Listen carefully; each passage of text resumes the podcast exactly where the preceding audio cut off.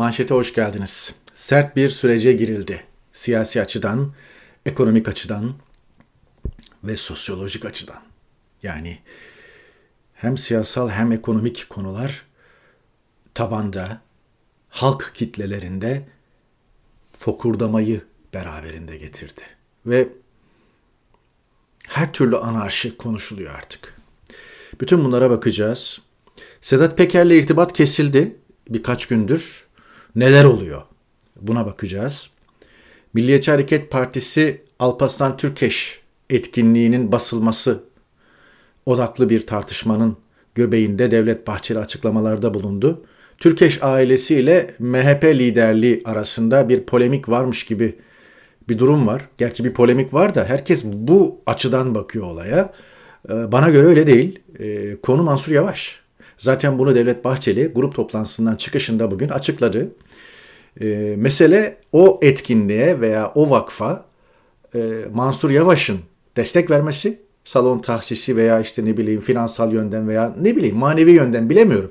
Ankara Büyükşehir Belediyesi olanakları ve e, Bahçeli'nin buna köpürmesi ve e, Mansur Yavaş'a sen ülkücü tabana çalışma ki Mansur Yavaş ülkücü kökenlidir.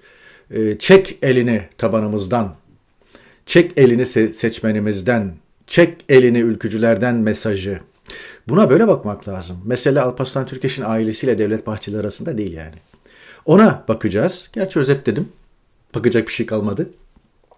Pahalılık, e, marketlerden son e, görüntüler buna bakacağım. Bakacağız. E, sizlerden çok fotoğraflar geliyor, görüntüler geliyor, bilgiler geliyor. Onları değerlendiriyorum. YouTube'da hemen bu videonun altındaki bütün yorumları okuyorum ve hepsine burada cevap vermeye çalışıyorum. Yayının sonunda öyle bir soru cevap yapacağız zaten. Akşener'le ilgili ne düşündüğümü soran var. Göçmen meselesiyle ilgili itirazı olanlar var. İşte efendim Kürdistan diye bir yer var mı? geçen yayında telaffuz ettin e, diyen var. E, kaçtın gittin İngiltere'ye oradan öyle ahkam kesmesi kolay bekara karı boşamak kolay affedersiniz e, ama şey böyle deyim böyle e, buna cevaplarım var. E, pek çok eleştiri var elbette. Bunların hepsine şu anda yayının başında e, gündem söz konusuyken sizi meşgul etmek istemem. Vaktiniz varsa yayının sonuna kadar beklersiniz. Yayının sonunda 3-5 dakika bu sorulara cevap vereceğim.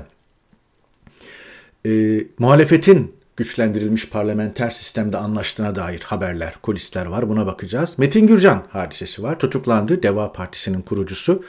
Tabi mahalle o carttadanak ortadan ikiye bölündü diyeceğimi bekliyorsanız hayır bölünmedi. Mahallenin tamamı Metin Gürcan'ı sattı. Sahip çıkmıyor. Sadece mahallenin içinde küçük bir kabile, bir avuç sahip çıkıyor. Ne var yani? Ee, bir takım büyükelçilere raporlama yaptıysa ve bunun karşılığında para aldıysa. Sovat, ee, bu gayet normal e, filan gibi bir sahip çıkma hali var.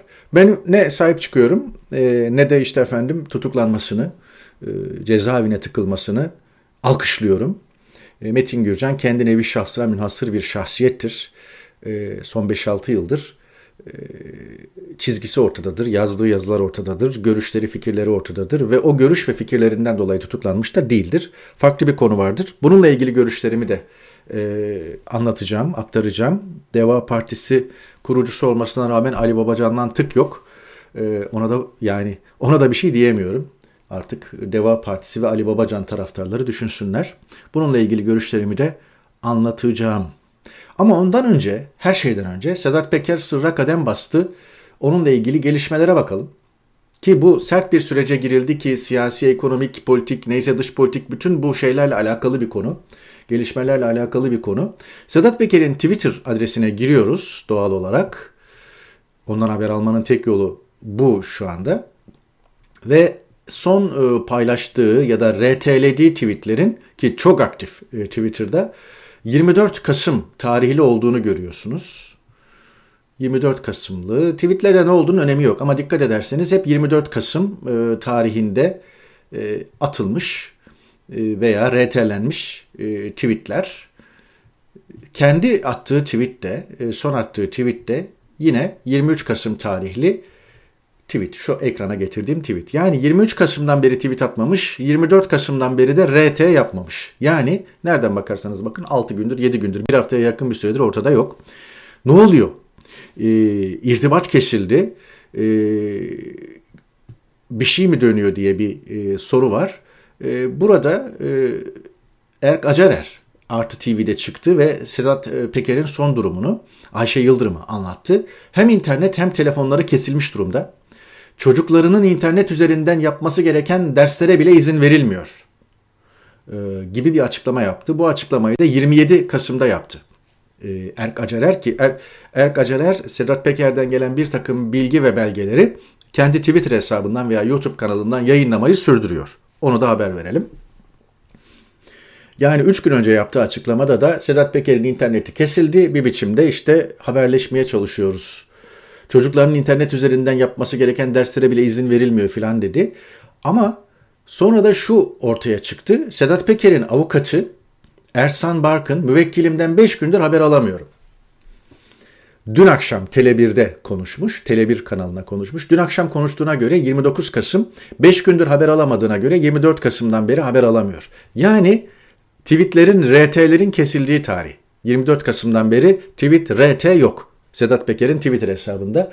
O gün bugündür müvekkilimden haber alamıyorum diyen Ersan Barkın, Sedat Peker'in avukatı. 27'sinde de interneti kesildi diye Erk Acarer Artı TV'de açıklamıştı. Şöyle konuşmuş e, avukatı. Kendisine ulaşılamadığı haberinin kamuoyu gündemine gelmesinden bir gün önce devam eden bir davasıyla kendisiyle iletişim kurmuştum. O günden bugüne kadar iletişim kurmadım. Sadece yakınındaki bir kimse aracılığıyla bir WhatsApp mesajıyla bir dosyaya dair bir iddianame talep edildi benden. Dolayısıyla 5. 6. günü buldu benim kendisiyle iletişim kurmamın üzerinden geçen diyor. Evet zaten Türkiye dışında kendisiyle ilgili yürüyen bir dava yok. Türkiye'de yürüyen davalar var. O davalarda kendiyle ilgili iki tane kırmızı bülten talebi var. Bu davalarda kendine ben vekillik ediyorum diyor. Sedat Peker'in kendine yönelik baskı kurulacağı ve iletişim kanallarının kapatılacağı yönündeki kaygı içinde olduğunu da belirtmiş avukatı. Bu 4-5 günlük kesinti bu kaygının haklılığını gösteriyor sanki demiş. Sanırım dün Birleşik Arap Emirlikleri'nden bir telefon numarası kendisinin yakını olduğu bir kimsenin devam eden iki davada iddianame talebine karşılık verdim. Dolayısıyla yakınındakilerin iletişim, iletişim numaraları bende yok. Kendisi de zaten avukatlarıyla aracısız iletişim kuran bir kimse. Diğerlerinin böyle bir tecride maruz kalıp kalmadığı konusunda bilgim yok demiş. Yani sadece dijital tecrit, tecrit değil, internetinin kesilmesi değil, telefon bağlantısı da Sedat Peker'le kesilmiş görünüyor. Yani son derece enteresan bir durum. Ee, bakalım iş nereye gider, ne olur? Şimdi e, bir diğer konuda ana konu e, MHP'deki hareketlilik ne oluyor? Mansur Yavaş'ın ismini neden karıştırdı? E, Devlet Bahçeli. Şimdi Hakan Ünser, e, Milliyetçi Hareket Partisi daha doğrusu 28 Kasım'daki Alparslan Türkeş'i anma etkinliği ile ilgili bir takım tweetler paylaştı. Ve Hakan Önser'in e, ilk paylaştığı tweet şuydu. Doğum günü vesilesiyle 104. doğum günüymüş. Başbuğumuzu anmak için bir aradayız diyor ve salondan e, bir fotoğraf paylaşmış. Yeni Mahalle Belediyesi salonu olduğu anlaşılıyor salonun. E, bir anma toplantısı, konuşmacılar var belli ki bir panel havasında geçiyor katılımcılar var. Toplasanız belki hani 150-200 kişilik bir salon. Belki daha da fazla olabilir. Buradan görebildiğim kadarıyla söylüyorum. Sonra polis işbirliğiyle saldırı başladı diye şu tweet atıyor ve işte burada görüntüler görülüyor. Fakat burada polis işbirliğiyle demesi de son derece enteresan. Şimdi bakıldığında e, Alparslan Türkeş Vakfı tarafından Ankara'da düzenlenen bir etkinlik bu.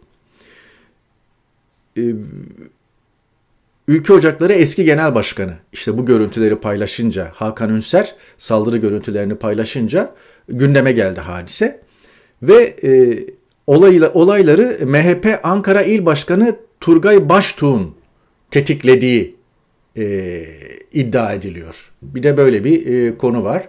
Peki e, Turgay Baştuğ e, ne demiş? E, ona da e, bakacağız. Turgay Baştuğ e, Milliyetçi Hareket Partisi'nde e, Ankara İl Başkanı e, ve e, kendisi Twitter hesabından özellikle bu Milliyetçi Hareket Partisi etkinliğine ilişkin e, tweetleriyle dikkat çekti. Ben o tweetleri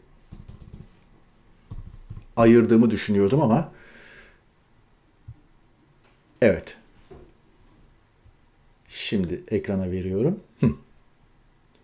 Kusura bakmayın. Çok kısa bir bekleme oldu. Turgay Baştuğ'u görüyorsunuz. E, Milliyetçi Hareket Partisi ile e, profil, kapak e, fotoğrafı yapmış. Milliyetçi Hareket Partisi Ankara İl Başkanı. Burada e, kendisi e, attığı tweetlerde özellikle bu saldırının e, Milliyetçi Hareket Partisi'nin e, Milliyetçi Hareket Partililerin, ülkücülerin Alparslan Türkeş'i anma gününe yaptığı e, saldırının e, azmettiricisi olarak dikkat çekiyor. İşte attığı tweetler bunlar. Türkeş Vakfı Başbuğumuzu anmat programı düzenleyecekmiş. Konuşmacılar filan filan. O halde soruyoruz. İşte efendim bilmem ne. Fakat burada işte konuşmacılara şuna buna dikkat çekiyor ama şu iki satır önemli. Bu program için CHP'li belediyelerden destek aldınız mı? Kurduğunuz vakfın sponsoru CHP'li Mansur Yavaş mı? İşte zurnanın zırt dediği yerde burası. Yani Alparslan Türkeş'i bir anma etkinliği düzenleniyor. Bu vakfın ve etkinliğin arkasında finansör olarak veya destekleyici olarak Ankara Büyükşehir Belediye Başkanı Mansur Yavaş'ın adı geçiyor. Mansur Yavaş'ın eski ülkücü olduğu, MHP kökenli olduğu biliniyor. MHP'nin Ankara İl Başkanı da Turgay Baştuğ da e, hem toplantıyı 27 Kasım'da dikkatinizi çekerim hem de bunun arkasında Mansur Yavaş var diye hedef gösteriyor. 28 Kasım'da da ülkücüler gidiyorlar toplantıyı basıyorlar. Ve ondan sonra Milliyetçi Hareket Partisi Genel Başkanı Devlet Bahçeli hiç adeti olmadığı halde grup toplantısından çıkışında bir gazetecinin bir sorusu üzerine cevap verip yoluna devam ediyor. Yani neticede belli ki o soruda ısmarlama cevap da düşünülmüş. Ee, yapacağını yapıyor ve gidiyor. Neydi o açıklama ona bakalım. olaylar yaşandı geçen hafta. Milliyetçi Hareket Partisi olarak konunun üzerinde duruyoruz. Elde ettiğimiz ön bilgiler Ankara Büyükşehir Belediye Başkanı Mansur Bey'in elinin altında geliştiği kanaati hakim. Hatta tren beklemeye benzer diyor. Ne kadar doğru. Ekonomiyi bozdunuz, siyasetin ayarlarını bozdunuz, şimdi biz düzeltiriz diyorsunuz. Düzeltmeye çalıştıkça daha da batırıyorlar. Ee, yani işte Devlet Bahçeli grup toplantısında demiş ki iş dünyasına çağrıda bulunmuş. Ekonomide yeni hikayeye ihtiyaç var, fiyatları indirin. Nasıl oluyorsa. Yani hikayesi bitmiş insanlar hikaye yazmaya çalışıyorlar. Bir de böyle bir tarafı var. Bir başka manşeti de bugün Sözcü'den getireceğim. E, yol yakınken bu yoldan dön demiş. Kim? CHP'de Kılıçdaroğlu sonrası için ismi geçen Şahinlerden Özgür Özel ki Sözcü'de belli ki açık destek veriyor. Erdoğan'a ağzının payını vermiş. Yol yakınken bu yoldan dön. Kandırıldık diye yine feryat etmeden bize kulak verin. Oldu canım hemen de sana kulak verecekler. Ya çok tuhaf. Yani Sözcüsü, Aydınlık'ı, Halk TV'si, Özgür Özel'i, CHP'deki bir kanat, öbürü beriki. Gerçekten çok tuhaflar yani. Ben bu grafiği kestiğimde 12.93'tü. Ee, dolar 13 e, TL'yi geçti yayına başlarken. Ee, Euro işte 15 TL olmak üzere. Pound 17 TL'yi geçmiş durumda. Bakın burada bir seyircimiz uyarmış. Ee, ben onun üzerine düzelteyim. Bir önceki yayında galiba dövizdeki artış %45'i buldu falan demiştim. Esasen o benim zihnime yapışan e, yanlış bir bilgi. Doğru bir bilgi de fakat eski bir bilgi. Yani dolar 10 lira 11 lira olduğu süreçlerde %40-45'lik bir artış söz konusuydu ama her gün artıyor. Her hafta artıyor. İşte şimdi 13 liraya geldi. 13 liraya geldi. Yani bu e, grafiği Big Para'dan aldım. 16 Şubat'ta, yılbaşı da değil, 16 Şubat'ta dolar 7 TL civarındaymış. Düşük 6.95, yüksek 7.06 yazıyor. Görüyorsunuz. Fiyat 6.96 yazıyor. 7 deyin. 16 Şubat'ta 7 lira olan dolar şu anda 13 lira. Artış nedir? %85. Şubat'tan Kasım sonuna Yani Şubat'ın ikinci yarısından Kasım'ın ikinci yarısına da 10 ay var. Evet. Acayip. 10 ayda gelinen nokta. Hatta 9 ay var yani 9 küsür. Çok e, tuhaf bir noktaya gitti. Simit 3,5 lira olmuş. Böyle giderse 5 lirayı görür diyorlar ama Işıktaş Kemal e, paylaşmış 1.75. Ne zaman biliyor musunuz? 2019 Mayıs ayında simitin 1.75 olduğunu ve 2 sene içinde simit 3,5 lirayı gördü. Yazık. Çokça paylaşılan bir fotoğraf. Zincirlemişler komili yudumu. Ayçiçek ya. Zincirlemişler millet alıp götürmesin diye. Ne haller yani. Çok çok tuhaf haller yani gerçekten. Yine bir e, seyircim e, pay, paylaştı sağ olsun. İşte gene komili yudum. Promosyon malzemesi olarak kullanılıyor. Faturası sattan faturalı hatta geçene bir litre yağ hediye. Yani burada böyle bir şeyi Avrupa'da herhangi bir yerde veya Amerika'da neyse böyle bir şeyi promosyon olarak koysalar millet poposuyla güler yani. Evet. Bir karikatür Öleman'dan Ekonomi nasıl sizce? Ekonomi çok iyi, her şey çok ucuz. Allah Erdoğan'ı başınızdan eksik etmesin. Başınızdan derken e ben Bulgaristan'dan geliyorum. Bulgaristan vatandaşlarının alışveriş için Türkiye'ye, Trakya'ya akın etmesini konu eden bir e, karikatür. Acı bir mizah. Allah diyor Erdoğan'ı başınızdan eksik etmesin biz buraya hep alışverişe gelelim. Leman'dan bir karikatür. 30 yaşındaymış Leman. Tebrik ederiz. 1 Aralık tarihli kapak. Miting, izinsiz gösteri yasak. Kafanızı kırmadan dağılın. İşte millet bir araya gelmiş, toplanmış, polis başlarına dipmiş. Ekmek kuyruğu bu diyor vatandaş. Evet, ekmek kuyruğu, miting değil. Evet. Metin Gürcan konusuyla devam edelim. Metin Gürcan Deva Partisi'nde siyaset yapıyor. Eski asker. E, yazıları var. Televizyon kanallarına, YouTube kanallarına çıkıyor analist olarak. Genellikle dış politika analizleri konusunda ve e, Rusya'yı kollayan, Amerika'ya çakan bir Orta Doğu politikası veya Orta Doğu analisti olarak dikkat çekiyor. Bunların hiç önemi yok. Yani fikir hürriyeti var. İstediği fikri savunabilir, istediği analizi yapabilir. Partisi sahip çıkmadı, e, mahalle de sahip çıkmadı, mahallesi de sahip çıkmadı. E, bilgiler şu e, ki İsmail Saymaz bunu bugün Halk TV.com.tr'de yazmış. Metin Gürcan iki büyükelçiliğe ücretli analiz yazıyormuş diye. Yazıyı okursunuz. Ben hakkında çıkan e, suçlamaları, e, verdiği ifadeleri falan da okudum. Türk yargısına güvenmiyorum. Türk yargısına verilen ifadelere güvenmiyorum. Türk yargısının suçlamalarına, Türk yargısının soruşturma ve kovuşturmasına ve hükmüne, e, kararlarına güvenmiyorum. Bu en alt mahkemeden en üst mahkemeye kadar, anayasa mahkemesine kadar böyle. Onu en başta söyleyeyim. Dolayısıyla Metin Gürcan hakkındaki soruşturmada ortaya çıkanlar şu. İddia o ki Metin Gürcan iki büyükelçiye, İspanya ve İtalya büyükelçilerine e, bir takım analizler yapmış. Ve bu analizleri e, karşılığında para almış. Bu paraları da işte otopark, AVM otoparkı gibi yerlerde araç içerisinde vesaire al, almış. Yani anlatılan, kamuoyuna empoze edilen şey şu. Büyükelçilere gizli bilgi temin etti. Bunun karşılığında para aldı ve bu alışverişi de gözden uzak noktalarda yaptı. Metin Gürcan'a bu sorulmuş ki ifadesinin e, işkence altında alınmadığı görülüyor. Ne avukatından ne de çevresinden bu yönde bir iddia var. Sorulara verdiği cevaplara da baktım. Sorular hep bu minval üzerine. E, kendisi belli ki teknik olarak takip edilmiş. Bir dedektiflik de var. Yani kameralı olarak veya telefonları takip edilmiş vesaire. Sözünüzü şu. E, bu büyükelçilere bu bu bilgi e, bu bu bu bu büyük elçilerle ilişkin neydi ve karşılığında zarf içinde aldığın para işte o da açık kaynaklardan takip ettiğim kadarıyla analizlerimi yaptım ve o analizlerim karşılığında da bu büyük elçilerden e, telif veya işte bu analizin karşılığı ücreti aldım. Dediğim gibi Türk yargısının hiçbir soruşturma ve kovuşturmasına itimat etmiyorum. Fakat ortaya çıkan ve şu ana kadar yalanlanmayan ve Metin Gürcan'ın ifadesinde doğruladığı ifade edilen, işkence altında da vermediği ifade edilen bilgilere göre Metin Gürcan iki büyükelçiye bir takım analizler yapmış ve karşılığında para almış. Bunu da saklamıyor. Neden e, gözden uzak noktalarda görüşüyordunuz, buluşuyordunuz sorularına ise pandemi koşullarında açık bir kafe yoktu.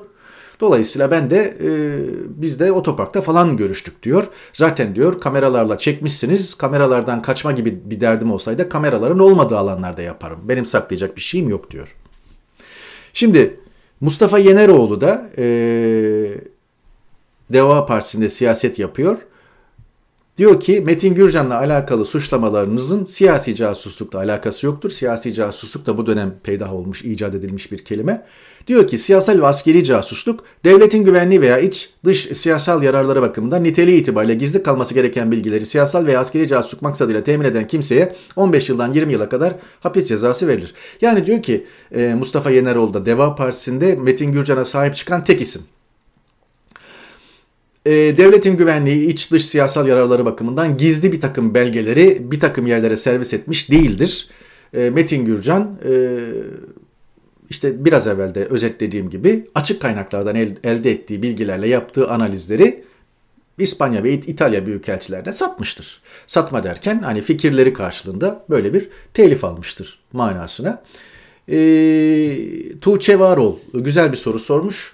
Evinin arandığı anda tepki göstermiş biri olarak izniniz olursa tek soru sormak istiyorum.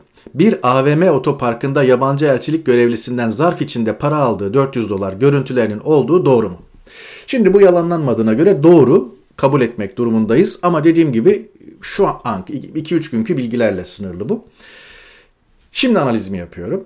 Metin Gürcan e, bu iktidara destek vermiş olabilir. Bu iktidarın o hal kapsamında yaptığı uygulamalara destek et, vermiş olabilir. 2016 sonrası özellikle yargılamalara destek vermiş olabilir. Tırnak içinde söylüyorum FETÖ-METRE benzeri uygulamalarla insanların fişlenip toplanmasına destek vermiş olabilir vesaire. Bunlarla suçlanmıyor. Bir bu. İkincisi bunlardan dolayı e, Metin Gürcan bunları savunduğu için Metin Gürcan'a kızabilirsiniz ama bundan dolayı e, tutuklanmalıdır falan bu bir suç soruşturmasıdır falan diyemezsiniz. Bu, bu ikisi ayrı bir konu. Metin, Gün, e, Metin Gürcan gibi konuşan, düşünen, e, geriye doğru 5 yıldır 6 yıldır ben size bir çırpıda 100-150 kişi sayarım. Hepsi medyada, akademide belli yerleri tutmuş isimler. Hala da bu görüşlerini dillendirmeye devam ediyorlar. Belki on binlerce, yüz binlerce de insan aynı şekilde düşünüyor. Dolayısıyla Metin Gürcan biraz evvel çerçevesini çizdiğim konuda işlem görüyor şu anda, tutuklandı. E, yaptığı iş e, gerek siyasal yönden gerekse akademik yönden çok fazla etik değil. Ee, bir partide siyaset yapması acaba genel başkanının e, veya Deva Partisi'nin bundan haberi var mı? Yani bir takım analizleri İspanya ve İtalya büyükelçilerine, büyükelçilerine para karşılığında, diplomatlara para karşılığında servis ettiğine dair e, siyasal yönden sakıncalı, e, sıkıntılı, sakıncalı demeyeyim de sıkıntılı, akademik yönden sıkıntılı, medya yönüyle sıkıntılı bir durum. Yani şimdi ben size desem ki Tarık Toros Londra'da Amerikan Büyükelçisiyle, Kanada Büyükelçisiyle, ne bileyim Hollanda Büyükelçisiyle, İran Büyükelçisiyle görüşüyor ve onlara bir takım analizler e, satıyor. O analizlerin karşılığında da her defasında da o bilgilerin karşılığında da her defasında 300-500 dolar alıyor sizin gözünüzde ve nazarınızda bir anda bir çizik yerim yani. Ha bu benim tutuklanmamı, bu benim yargılanmamı, bu benim zindana atılmamı mı gerektirir? Hayır. İşte kastettiğim şey bu. Dolayısıyla Metin Gürcan bana göre mahallede büyük bir çizik yedi. Ee, bir diğer konu da şu. Elbette bunlardan dolayı tutuklanmayı, zindana atılmaya hak edilmiyor. Bir avuç insan e, Metin Gürcan'ın yaptığında ne var ki kardeşim niye bu kadar üstüne gidiyorsunuz falan diye de Can Siperhane savunuyor. Ben Metin Gürcan'ı, Gürcan'ı bu yaptığı do- işten dolayı savunmam da yermem de yerin dibine de batırmam. Sadece e, bu bir suç değildir ve bundan dolayı da tutuklanmayı hak etmemiştir. E, Metin Gürcan'ın geriye doğru 4-5 yıldır fikri çizgisi muhalif olduğum halde, savunmadığım halde ondan e, dolayı e, sorgulanıyor, yargılanıyor değil. Ondan dolayı yargılamaya hak edecek bir eylemi var mı ben de bilmiyorum. Varsa ona da ayrıca bakılır. Diyelim ve Osman Kavala'ya geçelim. Ha o arada Osman Kavala demişken e, Cengiz Çandar'ın bir tweet'i var. Onu da okumadan geçmek istemiyorum. Cengiz Çandar fikirlerine, görüşlerine saygı duyduğum bir isimdir. Metin Gürcan'ın siyasi casusluk denilerek ipe sapa gelmez bir gerekçeyle tutuklanmasına sesini yükseltmeyen, onunla dayanışma göstermeyen kim varsa Demokrasi, özgürlük gibi sözcükleri bir daha ağzına almasa iyi olur. Osman Kavala'nın tutuklu kalması kadar karanlık bir gelişme demiş. Evet. Fikirlerine saygı duyduğum bir isimdir Cengiz Çandar ama e, bu tweetin altına %100 imza atmam. E, Osman Kavala'nın tutuklu kalması kadar karanlık bir gelişme derken neyi kastettiğini de bilmiyorum. Anlarız. E, o arada Osman Kavala Avrupa Konseyi gündeminde Bakanlar Komitesi Türkiye aleyhinde ihlal sürecinin başlatılıp başlatılmamasını oylayacak. Dolayısıyla bu sürecinde birkaç gün devam etmesi bekleniyor. Bakalım ne karar çıkacak.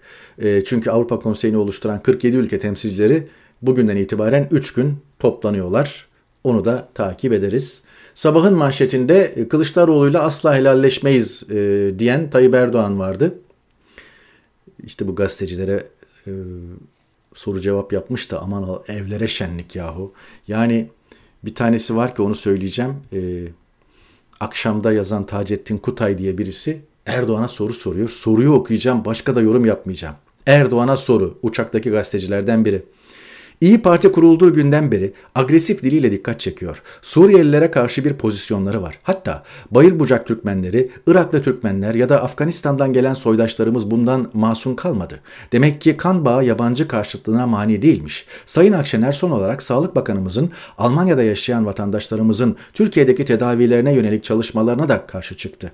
İlk defa olarak vatandaşlarımız yabancı gibi hedef alındı. Yani vatandaşlarımıza yönelik yerli karşıtlığını da sahneye koydu. Bu siyasal kültürümüzde olmayan bir şey. Siyasal kültürümüz mü dönüşüyor? Bu iş nereye varacak Sayın Cumhurbaşkanı? Evet. Kılıçdaroğlu'yla asla helalleşmeyiz demiş. Zaten seninle helalleşip helal yani seninle kimsenin helalleşeceği yok. Üzerine alınmış. Ee, yargıda hesap vereceksin. Ölmez sağ kalırsan yani. Diyeceğim bir şey yok bu konuda. Bahçeli'den Mansur Yavaş'a tehdit dikkat etsin arkasında bir ülkücü nefes var. Günün konusu bence budur. Ama e, sert bir sürece girildi derken işte sabahın iç sayfasında HDP kapatılsın sesleri yükseliyor. E, Yargıtay Başsavcısı AYM'ye görüşünü sunmuş. Burada da dava hızlanacak belli ki. HDP kapatılırsa ne olur? Nereye gider iş? E, bunun da alternatifleri nereye gideceği, ne olup ne, ne biteceği var. Ona da yeri geldiğinde bakacağız. Ama şu anda dengeler kapatmaya doğru gidiyor. Bilmiyorum Anayasa Mahkemesi son sözü nasıl söyleyecek yani. Umarım kapatılmaz. Ben dün Tanju Özkan demişim. Doğrusu Tanju, Tanju Özcan olacak. BBC Türkçe'den kesmiştim o kepsi. Onlar yanlış yazmışlar. Onların kurbanı oldum. Önemli değil. CHP Yüksek Disiplin Kurulu'nun önündeymiş Tanju e, Özcan ve Fethiye Belediye Başkanı Alim Karaca e, disipline sevk edilmişler vesaire. E, bakalım CHP Tanju Özcan hakkında ne yapacak deniyor. Zor bir karar, e, zor bir durum. E, halk desteği var karşısında. Bugün Sözcü'nün birinci sayfasındaydı e, Sözcü. Sözcü'nün birinci sayfasındaydı. Tanju, Tanju Özcan'a destek yağıyor diye bir başlık yani. Dolayısıyla halk desteği de var, medya desteği de var. Yani ne yapacaksın? Yani belki bugün aday olsa tekrar seçilir Tanju Özcan. Bir de Edirne Belediye Başkanı vardı hatırlatırım ona ne oldu bilmiyorum. O da Alaaddin Çakıcı ile makamında fotoğraflar vermişti antiparantez. Bu işler nereye gider ne olur ee, gerçekten e, zor ee, bilmiyorum. Sadece e, zor bir sürece girildiğini ve algıların e, değiştiğini, biraz alt üst olduğunu söyleyebilirim. Şimdi soru cevap e, faslına bakalım. Kısa kısa e, sizin yorumlarda yazdığınız veya Twitter'da yazdığınız e, sorulara cevap vereceğim. Yahu diyorlar Akşener'i eleştiriyorsun. Ne düşünüyorsun? Yani Akşener e, hakkında olumlu mu düşünüyorsun, olumsuz mu düşünüyorsun? Benim ben ben artık bu noktadan sonra herhangi bir partiye de siyaset de yapmayacağım. Herhangi bir partide partiye seçimde oy da vermeyeceğim için yani Türkiye'de olsam da burada da olsam başka yerde de olsa konsoloslukta, elçilikte, şurada burada oy da kullanmayacağım. Sadece şunu söyleyeyim. E, e, siyasette bir ilişkim olmadı. E, bundan sonra da olmayacak. Ama neticede yaptığımız iş bir yönü itibariyle de siyaset yapıyoruz. Yani onu da kabul etmek lazım. Bana göre Meral Akşener Türkiye ortalamasında e, entelektüel yönü çok fazla güçlü olmayan ancak 28 e, Şubat e, sürecindeki e, cesaretiyle hatırlanan e, çünkü o zaman valileri göndermemişti Genelkurmay briefingine. Önemli bir hamleydi bu. O arada tabii MHP'den kopması, parti kurması onca tehdide rağmen e, son derece cesaretli adımlardır ve mühim bir figürdür siyaseten. E, ne çok beklentiye girilmeli kendisiyle alakalı ne de bütün bütün yerin dibine batırılmalı. takip ediyoruz gelişmeleri. Doğru bulduğumuz şeyi anlat e, alkışlarız. Yanlış bulduğumuz şeyi de eleştiririz. Yani e, o konuyu bir kere daha söyleyeceğim. E, biz partilerin karşısında veya yanında değiliz. AKP müstesna elbette. E, yani şey politikaları kritik ediyoruz. Kimi politikalarını eleştiririz, kimi politikalarında e, yereriz. Yani bu böyledir. E, kimi politikalarını savunuruz. Doğru yapıyorsun deriz, yanlış yapıyorsun deriz. Yani bir gün Akşener'e yanlış yapıyorsun. Olmadı bu dediğinde ne oldu Akşener'le falan diye böyle hani altta tepki gösterilmesinin bir manası yok. Bir noktada da işte Kılıçdaroğlu yaşa bak çok iyi güzel bir şey yaptın dediğinde de o hayrola Kılıçdaroğlu'na mı şimdi de şey yapıyorsunuz falan denmesin. Ama Türkiye'de maalesef kamplar çok çok böyle şey oldu. E, kutuplaşma ve kamplaşma çok arttı. Bir diğer konu Kürdistan'ı sormuşlar. Ne yani Kürdistan diye bir yer var mı diye dünkü yayında bahsi geçince. Kürdistan diye bir yer var. Tarihten beri de var. Osmanlı döneminde de var. Biraz okunmasında yarar var. E, neticede tarihe ve coğrafya, coğrafyaya ilginiz varsa Kürdistan diye bir bölgenin olduğunu görürsünüz. Hali hazırda da Irak Kürdistanı diye geçen bir bölge var ve ben bunu Manş Denizi'nde batan mülteci botundan hareketle söylemiştim. Orada e, hayatını kaybeden soğuk sulara kapılarak hayatını kaybeden mülteciler Iraklı Kürtler. Bir de böyle bir tarafı var. Göçmen meselesiyle ilgili çok yoğun eleştiriler geliyor. Senin tuzun kuru, uzaktan konuşuyorsun. İşte sen gittin, kaçtın, kurtardın kentini. İşte efendim bekara işte hanım boşamak kolay falan. Şimdi 80 milyonluk ülkeye 8 milyon göçmen gelirse anarşi çıkar. Bunu hep söylüyorum. Devamla elbette hemfikiriz. Yani e, burada ne o garibanların, mültecinin suçu var ne de ya bir dakika bunlar da çok fazla olmaya başladılar diyen vatandaşın bir suçu var. Fakat e, vatandaşla, halkla o mültecileri karşı karşıya getiren politikacılar. Her iki ülkenin politikacıları, devletler. Maalesef bu politikacılar da Tanju Özcan gibi, Ümit Özdağ gibi görünen Türkiye'de e, öfkeyi halka yüklüyor ve bir kıvılcım ateşliyor ardından bekliyorlar olacakları.